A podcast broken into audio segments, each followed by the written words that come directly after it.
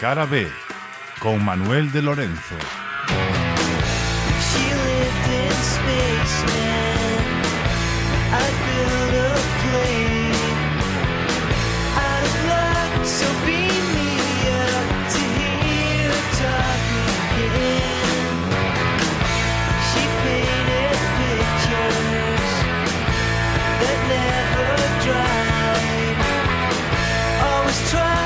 Ai, mi madriña, que ganas tiña de dicir isto. Benvidos todos e todas á terceira tempada de Cara B.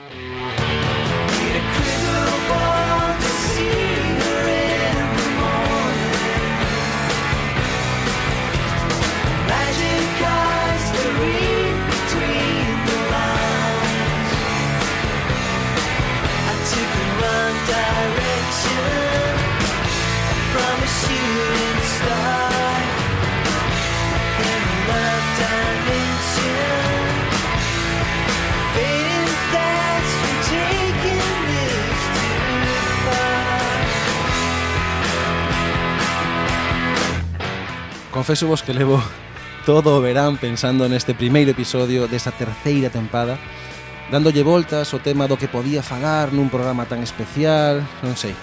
Comezamos un novo curso, arrancamos por terceira vez xa unha nova etapa neste espazo que é posible grazas a vos, que estades aí do outro lado e que permitides eh, que vos contemos cada semana novas historias que teñen que ver coa parte de atrás do mundo da música. Grazas, moitísimas grazas por escoitarnos. Christmas.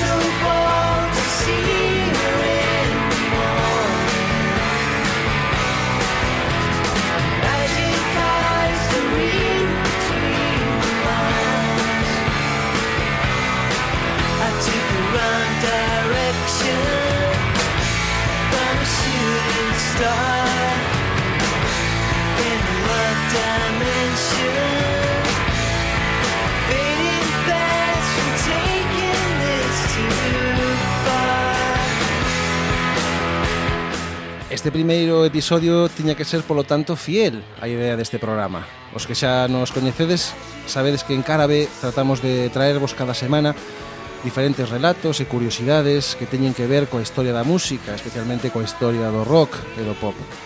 O que nos apaixona é contarvos ao longo do ano anécdotas pouco coñecidas pero sempre moi interesantes sobre instantes moi concretos do panorama musical, pois algo inaudito que aconteceu durante a grabación de algún disco mítico, un contratempo que poucos coñecen na vida privada dun grupo lendario, o que sucedeu tras o escenario nalgún concerto histórico, en fin, esa clase de cousas.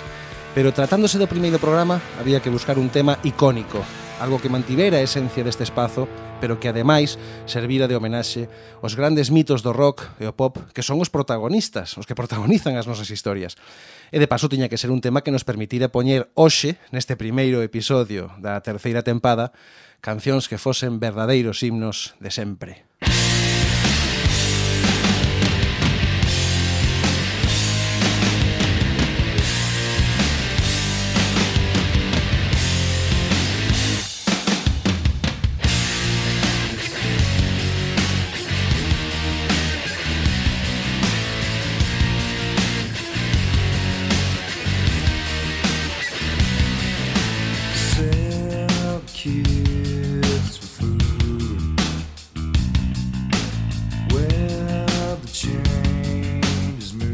se falamos de verdadeiros himnos de sempre, estou seguro de que este In Bloom de Nirvana atópase entre, entre todos eles, igual que Kurt Cobain é, sen dúbida, un dos grandes mitos da historia do rock.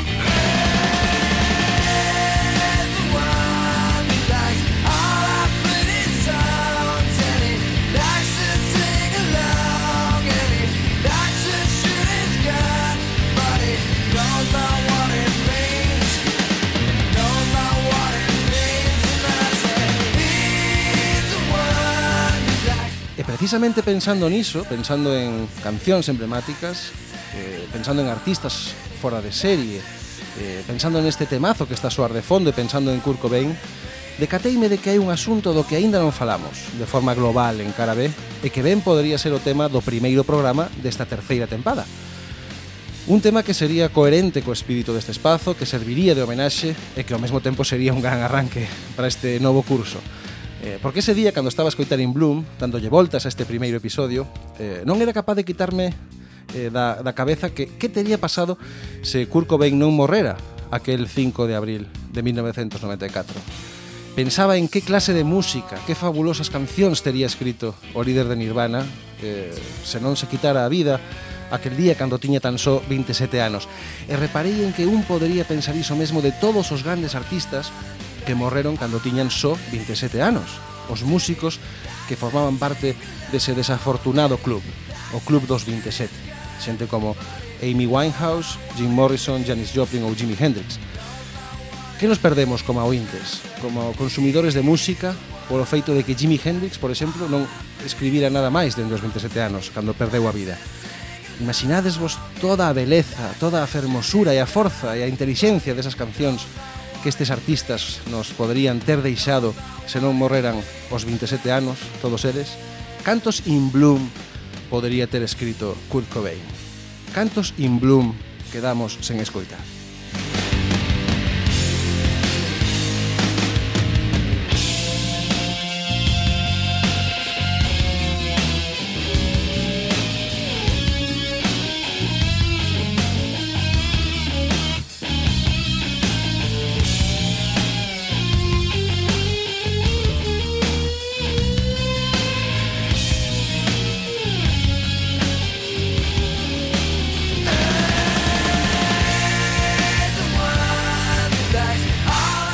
iso é do que imos falar hoxe. Ese é o tema deste primeiro episodio da terceira tempada de Cara B. O Club dos 27. Imos repasar en que consiste ese club, por que ocupa un lugar tan destacado na historia do rock, que coincidencias se dan entre os artistas que faleceron con 27 anos e pasaron a formar parte inmediatamente dese grupo de xenios que morreron a esa mesma idade e que músicos en concreto, claro, integran ese club dos 27. E por suposto, de paso que falamos de cada un deses artistas, imos escoitar algunha das súas mellores cancións, porque diso trata este espazo chamado Cara B, de música e das grandes historias que se agochan tras ela. Así que agora sí, comezamos. Grazas a todos por estar aí. Nos estamos encantados, encantadísimos de estar de volta, podemoslo, podemoslo asegurar. Así que benvidos a este programa de hoxe sobre o Club 227. Eu son Manuel de Lorenzo e aquí arrinca Cara B. Cara B.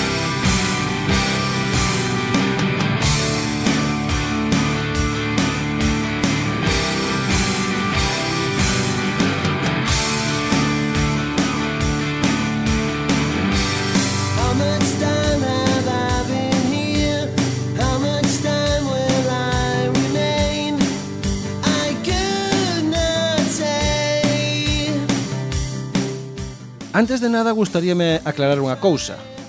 En termos estadísticos, non hai nada que faga destacar o Club 2027. Ou seja, eh, dito doutro xeito, Ao longo da historia morreron máis ou menos os mesmos músicos con 27 anos que con 43 ou con 32 ou con 59, os que sexa. Iso é lógico, non? É, é, é o normal. De feito, creo que creo que o pico está nos, nos 25 anos e nos 32. Eh, por lo tanto, se o Club dos 27 ten entidade propia e non existe pois, un club dos 25 ou un club dos 67 é porque neste caso concreto danse unha serie de circunstancias que fan que ese grupo de músicos que faleceron os 27 anos sexa especial.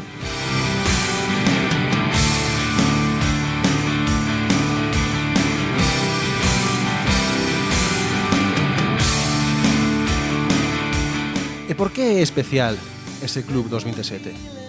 Pois basicamente por dúas razóns. A primeira é os nomes dos artistas que faleceron con 27 anos. Chama moito a atención que se trate de músicos pois superfamosos e que ademais ocupan un lugar destacado na historia da música porque se converteron en auténticos referentes xa en vida. Estamos a falar, como dixemos, eh, de xente como Kurt Cobain, Janis Joplin, Jim Morrison ou Jimi Hendrix, entre outros. Son eh, palabras maiores, non? Algún deses fulanos fixo evolucionar o propio xénero, non? E non se pode dicir iso de moita xente. E a segunda razón pola que ese club goza de entidade propia é a que se refire ás circunstancias nas que morreron eses músicos. Porque tratase en todo caso de circunstancias terribles, moi incómodas ou violentas, que ao final redúcense en case todos os casos o suicidio e a morte por sobredose de drogas ou consumo excesivo de alcohol. Son mortes que están moi relacionadas co estilo de vida destes músicos que en moitos casos eran xente atormentada que buscaban nos excesos un xeito de escapar dos seus propios pensamentos.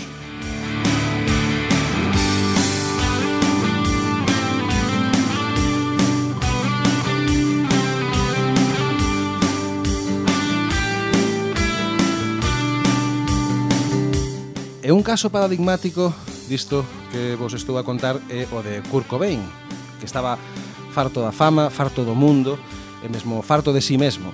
De feito, foi con Kurt Cobain cando por primeira vez se comezou a falar do club dos 27 e non antes. É certo que Morrison, Joplin, Hendrix e os demais xa morreran a esa idade, moitos anos antes.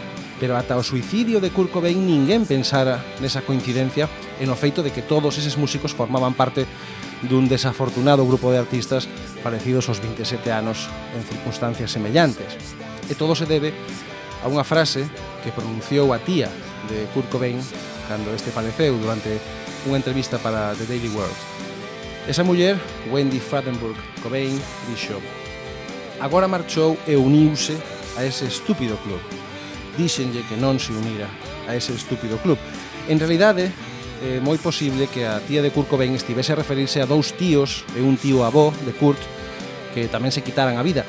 Pero claro, bastou aquela frase para que algúns biógrafos, como Charles Cross, por exemplo, formulasen a súa teoría de que esta muller falaba dun club de músicos que morreran tamén aos 27 anos. E foi aí cando realmente adquiriu Sona a idea de que existía un grupo de artistas de máxima importancia eh, de máxima importancia para a historia da música que faleceron aos 27 anos de idade debido ao suicidio ou o abuso das drogas e o alcohol.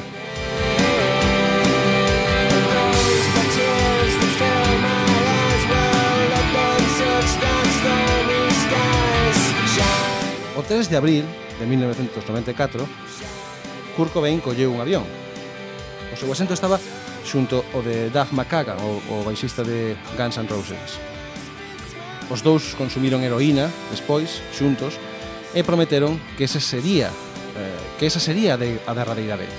Despois Cobain comprou máis heroína e encerrouse na habitación 226 do motel Marco Polo de Seattle, registrándose, por certo, como Bill Bailey, que é o verdadeiro nome de Axel Rose para drogarse durante horas.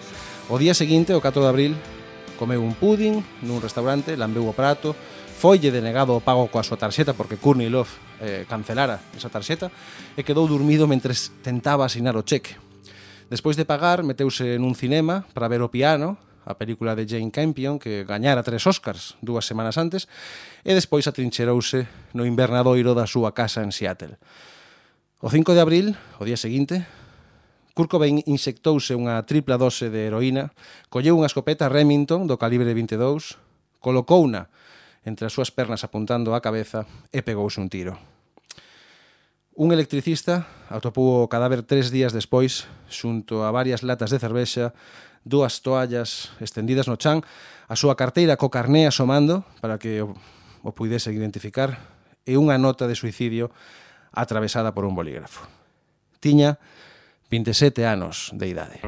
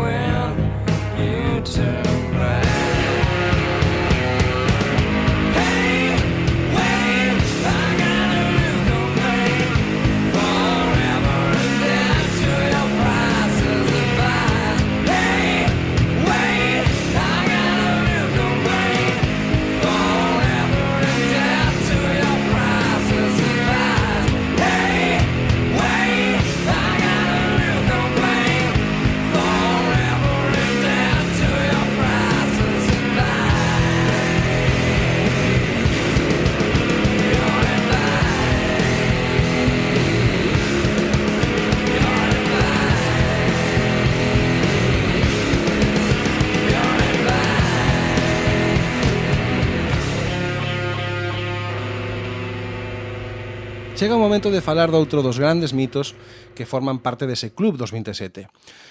Un dos artistas con máis peso na historia do rock e un dos ídolos do rock máis, non sei, máis respectados de sempre.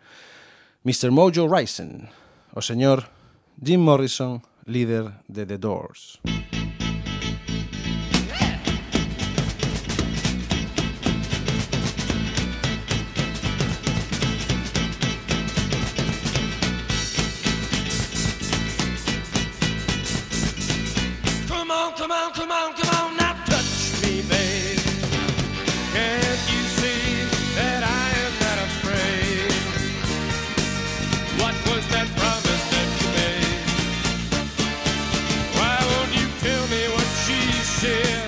Vou ler un extracto do libro O Enigma Jim Morrison de Stephen Davis no que se relatan como foron as últimas horas de Jim.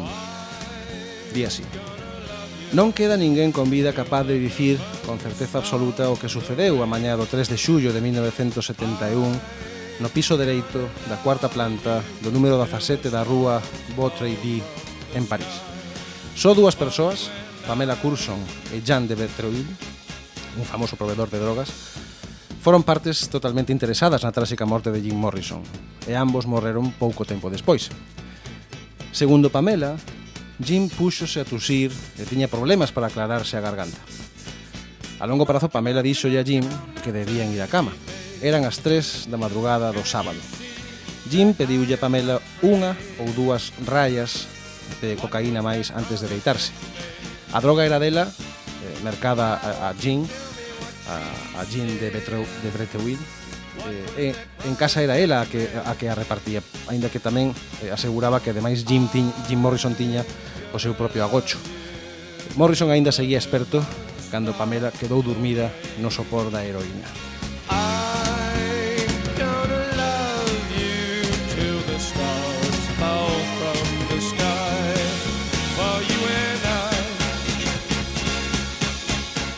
Ela despertou sobresaltada como unha hora máis tarde. Eran as 4 da mañá e estaba moi escuro, escribe Stephen Davis.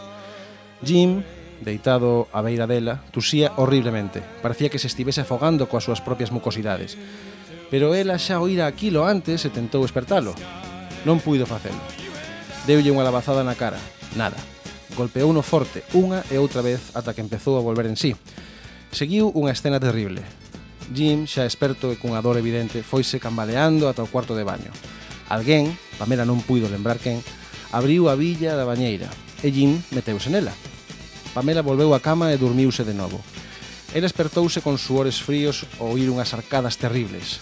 Jim, aínda no baño, estaba a vomitar anacos de piña e coágulos intensos de sangue. Pamela correu á cociña, agarrou unha pota laranxa e volveu ao baño. Jim seguiu vomitando na pota. Cando cesou a náusea, ela tirou o vómito ao inodoro. Posteriormente, ela dixo que cría que baleirara e limpara o recipiente tres veces. Dixo que Jim dixéralle entón que xa, sen, xa se sentía mellor e que volvese á cama. Preto das cinco en punto, cando o ceo clareaba, Pamela Curson, vencida pola heroína e a fatiga, deixouse caer na cama de novo. Cando estaba medio dormida, pareceulle oír a Jim Morrison que a chamaba. Pamela, estás aí? Quizáis unha hora despois, Pamela volveu espertar. Jim non volvera á cama. A luz da mañá filtrábase a través das persianas que cubrían as xanelas. Ela levantouse e foi ao baño. A porta estaba pechada por dentro. Gritoulle, golpeou a pesada porta, pero non tivo resposta. A seis e media da mañá do sábado, Pamela chamou a Jean de Breteuil. A media hora ele estaba no piso. Atoparon a Jim Morrison morto aínda na bañeira. O sangue aínda se estaba secando baixo o nariz e a boca como se sufrise unha violenta hemorraxia. Ata aquí a narración de Stephen Davis. Así narrou o acontecido aquel 3 de xullo de 1971, o día que faleceu Jim Morrison. Tiña 27 anos de idade.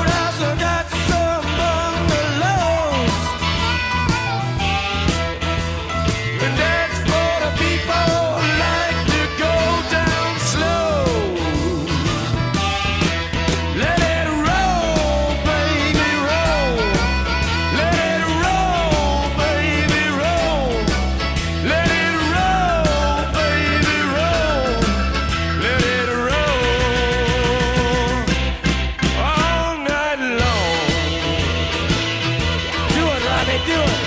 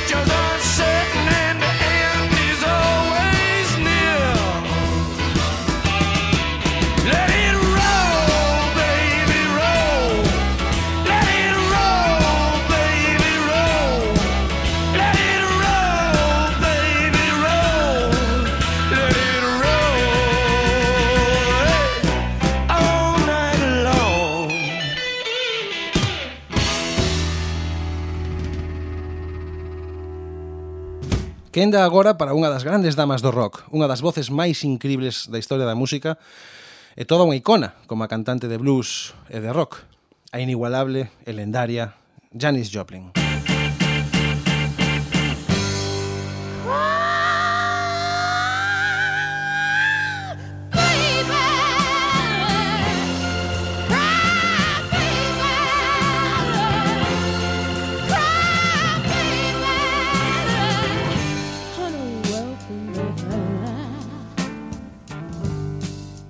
O 3 de outubro de 1970, Janis Joplin estivo no estudio de grabación Sunset Sound Recorders, nos Ángeles, para escoitar a instrumentación de Buried Alive in the Blues, xa que quería eh, afacerse o tema porque tiña que gravar a súa pista de voz xusto o día seguinte.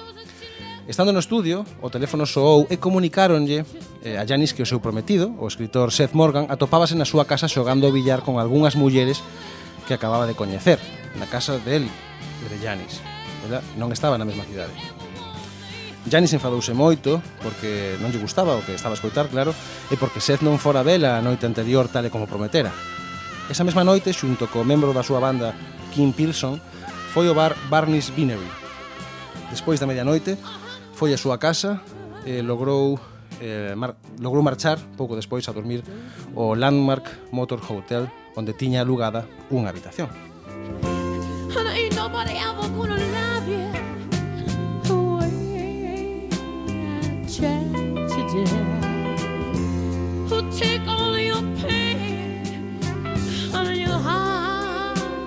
O día seguinte, o domingo 4 pola tarde, Janis non apareceu no estudio de grabación para a sesión pactada de voz.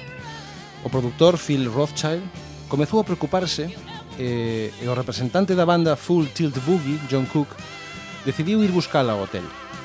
Ao chegar ali, atopou o seu automóvil, un Porsche, eh, aparcado frente ao hotel, no aparcamento. Foi entón cando entrou na habitación e atopou unha morta tirada no chan a carón da súa cama. A causa oficial da súa morte foi unha sobredose de heroína, probablemente baixo os efectos do alcohol. Suxeriuse que Janis se inxectara heroína eh, cunha concentración máis alta do normal debido a que esa mesma semana houbera outras sobredoses polo mesmo motivo doutros adictos á heroína da zona. Non era a primeira vez que Janis Joplin sufría unha sobredose, pero esta vez non houbo ninguén preto para axudala.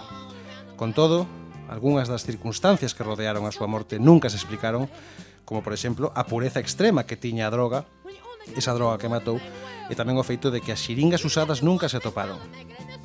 A hora da morte foi a 1.45 daquel 4 de outubro de 1970. Janis tiña 27 anos de idade.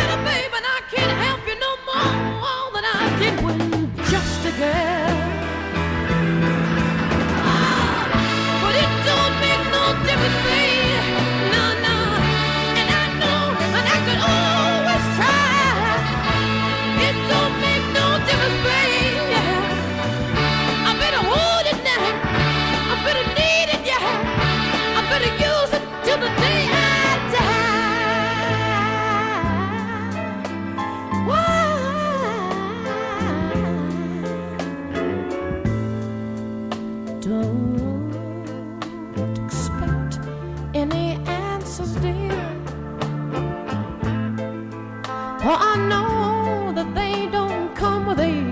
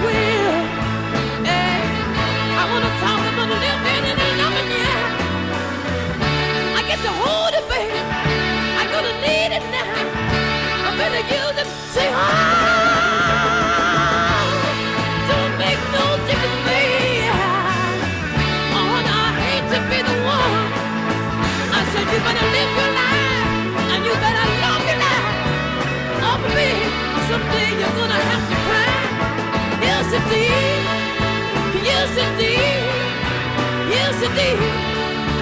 Oh, baby, indeed. I said you, they're almost gonna hurt you. I said they're always gonna let you down. I said everywhere, every day, every day, and every way, every way. Oh, honey, what you hold on to, it's gonna move. I said it's gonna disappear when you turn your back. I said you know it ain't gonna be there when you wanna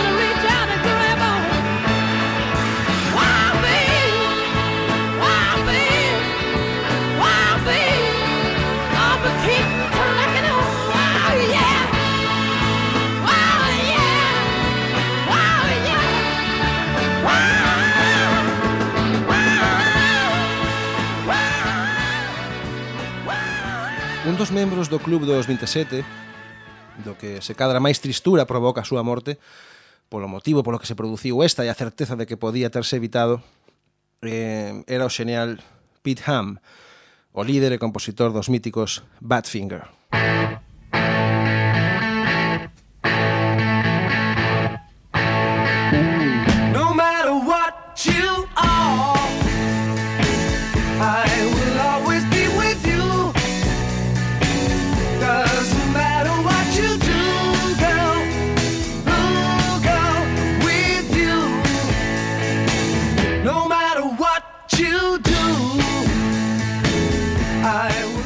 O selo discográfico de Badfinger Warner Music estaba farto das trampas e dos enganos do seu manager, do manager de Badfinger da banda, chamado Stan Poli, así que eh, os executivos da discográfica decidiron que o disco de Badfinger, Wish You Were Here, fora retirado das tendas cando acababa de sair a venda. E claro, eh, sen copias vendidas porque non había onde se vendesen, o disco foi un, un fracaso absoluto. Para evitarse posibles represalias legais, este tipo, Stan Polly, desapareceu. Dixo que marchaba a buscar outro contrato discográfico con outro selo, de xiras, e grabacións para o grupo, pero nunca volveu, nin colleu o teléfono. E Badfinger quedaron sen manager, sen disco no mercado e sen cartos no peto, xa que todo o diñeiro do contrato con Warner estaba na conta bancaria de Stan Polly. Ou seja, un absoluto desastre.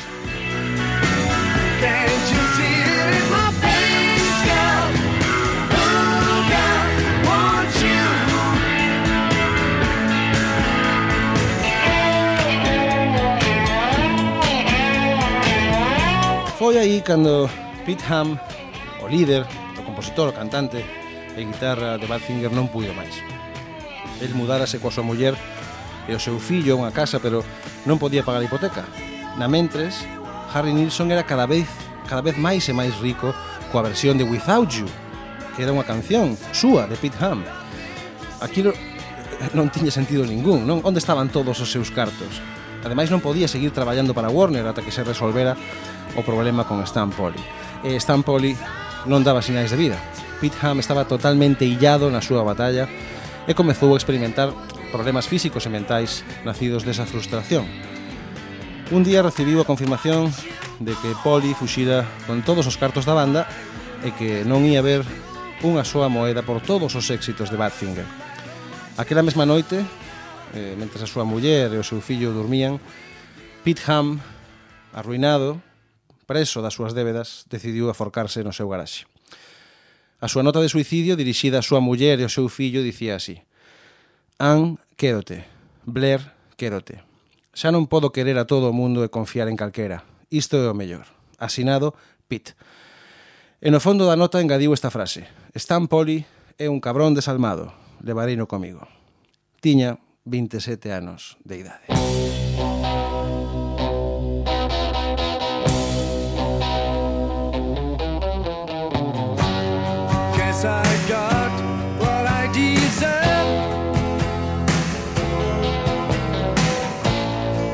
you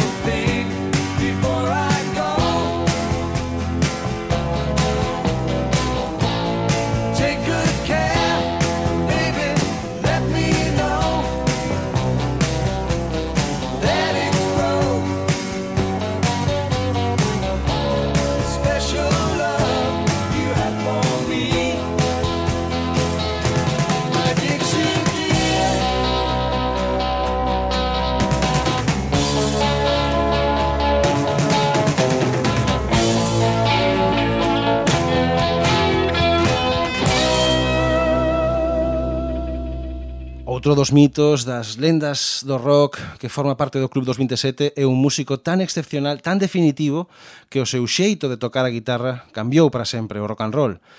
Estamos a falar dun guitarrista estadounidense que se fixo famoso en Inglaterra, por certo, e, e que dende aí chegou a todas as emisoras do mundo. Un rapaz chamado Johnny Allen e coñecido como Jimi Hendrix. Música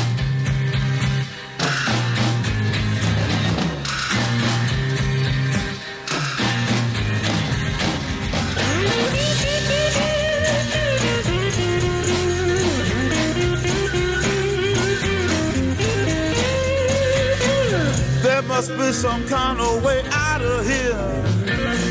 Said the joker to the thief. There's too much confusion. I can't get no relief. Jimi Hendrix pasou o seu derradeiro día de vida eh, en Londres coa súa moza de entón, a fotógrafa alemá eh, Mónica Deinman, que foi a única persoa que puido contar como foron as últimas horas do mito. Pasaron o día, como digo, no seu apartamento do Hotel Samarkand de Lansdowne Crescent en Notting, en Notting Hill. Pola noite, contra as 11, cearon e beberon unha botella de viño. Despois, Mónica levou a casa dun amigo a 1.45 e Jimmy permaneceu ali aproximadamente unha hora ata que Mónica volveu recollelo sobre as 3 da mañá. Os dous marcharon para casa e quedaron falando na cama ata 7, ata 7 da mañá, cando quedaron dormidos. Ela espertou sobre as 11 cinco horas máis tarde, e atopouse a Hendrix respirando pero inconsciente. Chamou unha ambulancia ás 11, ás 11 e 18 minutos concretamente, unha ambulancia que por certo tardou en chegar 9 minutos ata o apartamento do, do hotel, e Hendrix foi levado ao Hospital St. Mary Abbott, onde foi declarado morto ás 12 e 45. Era o día 18 de setembro de 1970.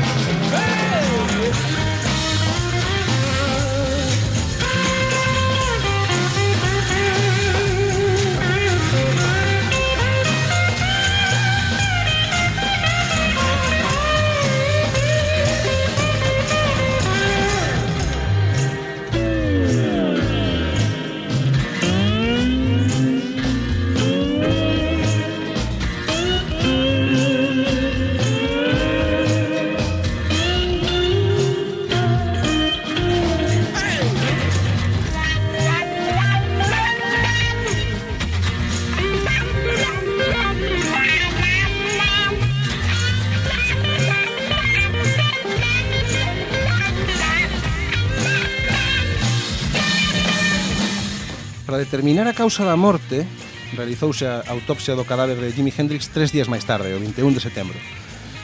Unha semana despois, o 28 de setembro, concluiu, concluiu perdón, a investigación forense e determinouse que Jimi Hendrix aspirara o seu propio vómito causándolle asfixia ou que había que sumarlle unha intoxicación por barbitúricos. Sen embargo, os médicos declararon o caso un veredicto como un veredicto aberto eh, debido a que había insuficiencia de evidencias. Máis adiante, Mónica Deinman declarou que Hendrix tomara sete das súas pastillas Vesparax e, polo tanto, consumira 18 veces máis da dose recomendada. Iso coincidía cos resultados da autopsia e, polo tanto, asumiuse como versión oficial da morte do guitarrista, malla que moitos anos máis tarde, con técnicas máis modernas, claro, chegouse a conclusión de que a causa da morte de Jimi Hendrix podería ter sido un enfisema pulmonar. Quen sabe? El tiña 27 anos deidades.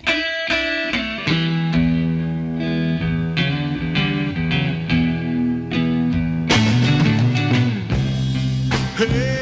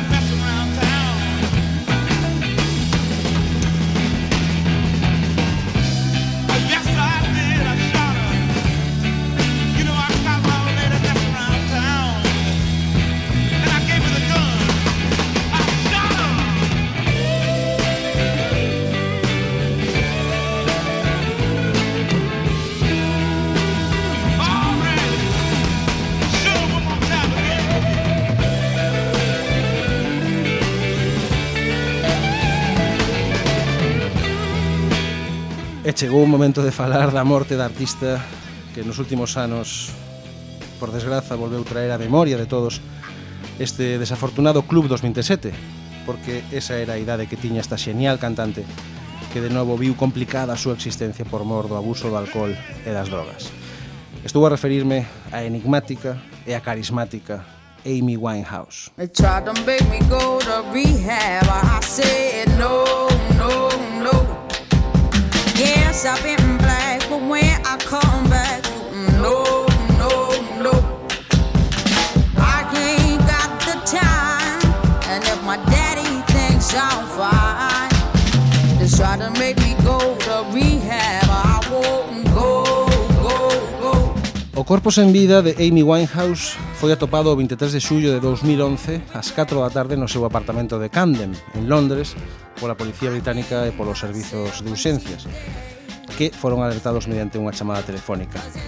Foi declarada morta ali mesmo, eh, no que se refire ás causas da morte, a propia policía non puido concluir nada. Os medios de comunicación e moreas de persoas reuníronse nos arredores da residencia de Amy e os médicos forenses non puideron entrar ata que a policía e Joe a rúa.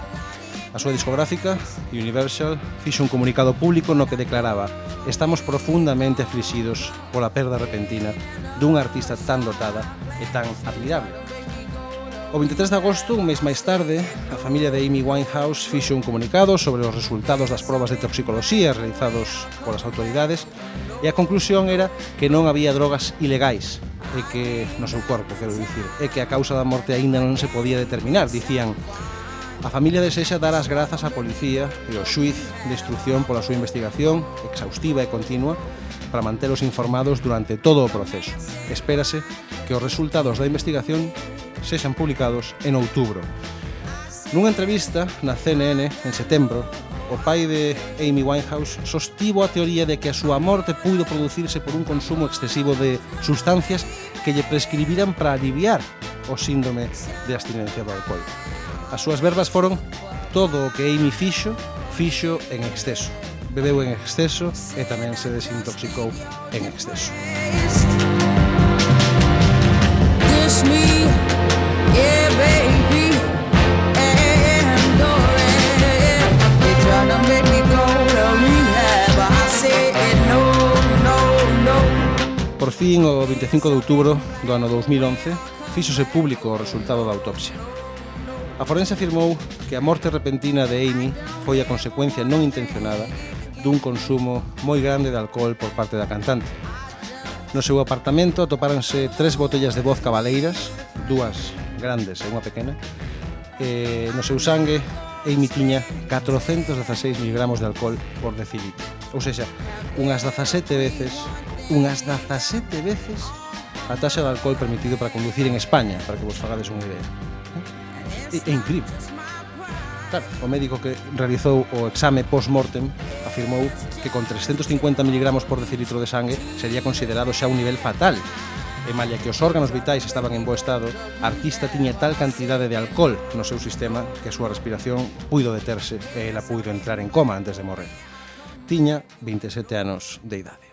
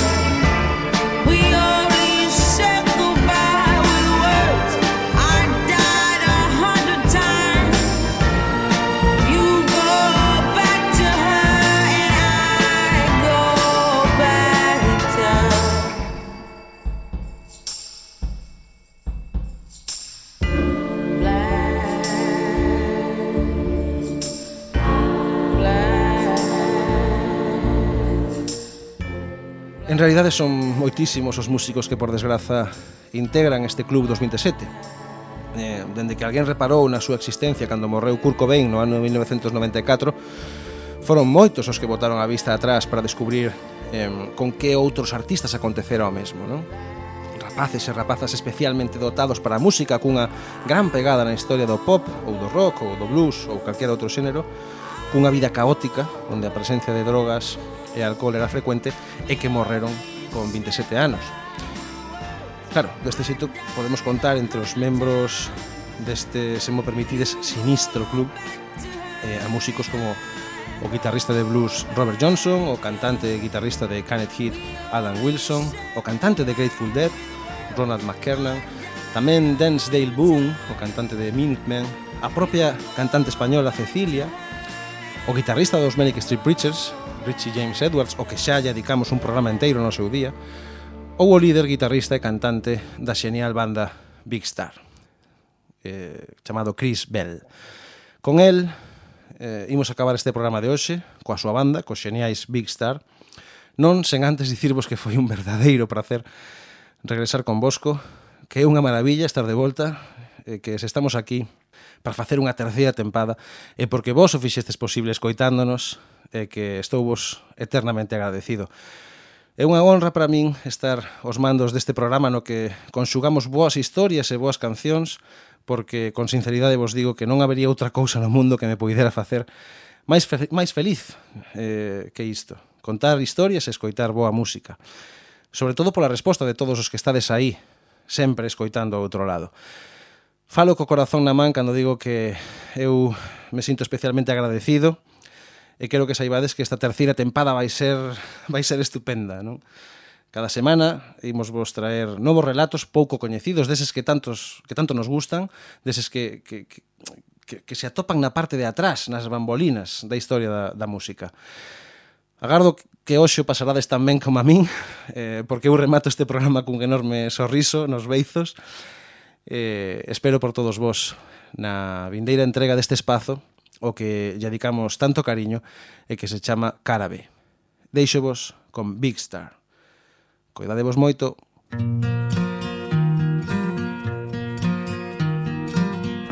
Won't you let me walk you home from school?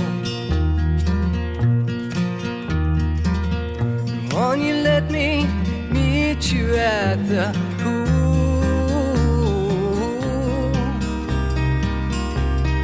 Maybe Friday I can get tickets for the dance. And I'll take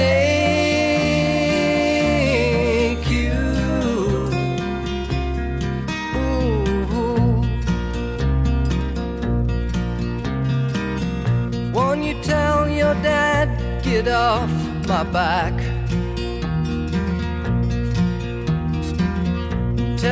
What we said about painted black.